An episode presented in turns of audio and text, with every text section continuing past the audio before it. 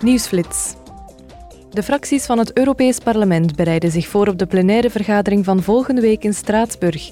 Parlementsleden zullen debatteren en stemmen over de wet op de artificiële intelligentie en over het verslag van de enquêtecommissie die onderzoek doet naar het gebruik van Pegasus en vergelijkbare spionagesoftware. Het parlement zal ook debatteren over de watercrisis in Europa en het garanderen van voedselzekerheid.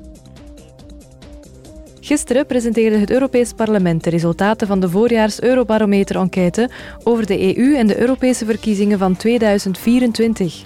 Uit de enquête blijkt dat mensen gehecht blijven aan democratische waarden en dat ze over het algemeen tevreden zijn over de democratie van de Europese Unie, ondanks aanhoudende economische problemen.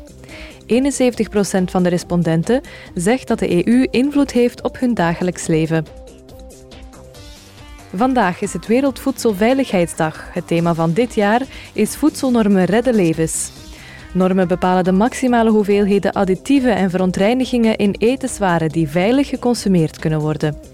In de EU is de Europese Autoriteit voor Voedselveiligheid belast met het geven van onpartijdig wetenschappelijk advies over voedselgerelateerde risico's. Volgens de Wereldgezondheidsorganisatie worden elk jaar 600 miljoen mensen ziek door de 200 verschillende soorten ziekten die via voedsel kunnen worden overgedragen.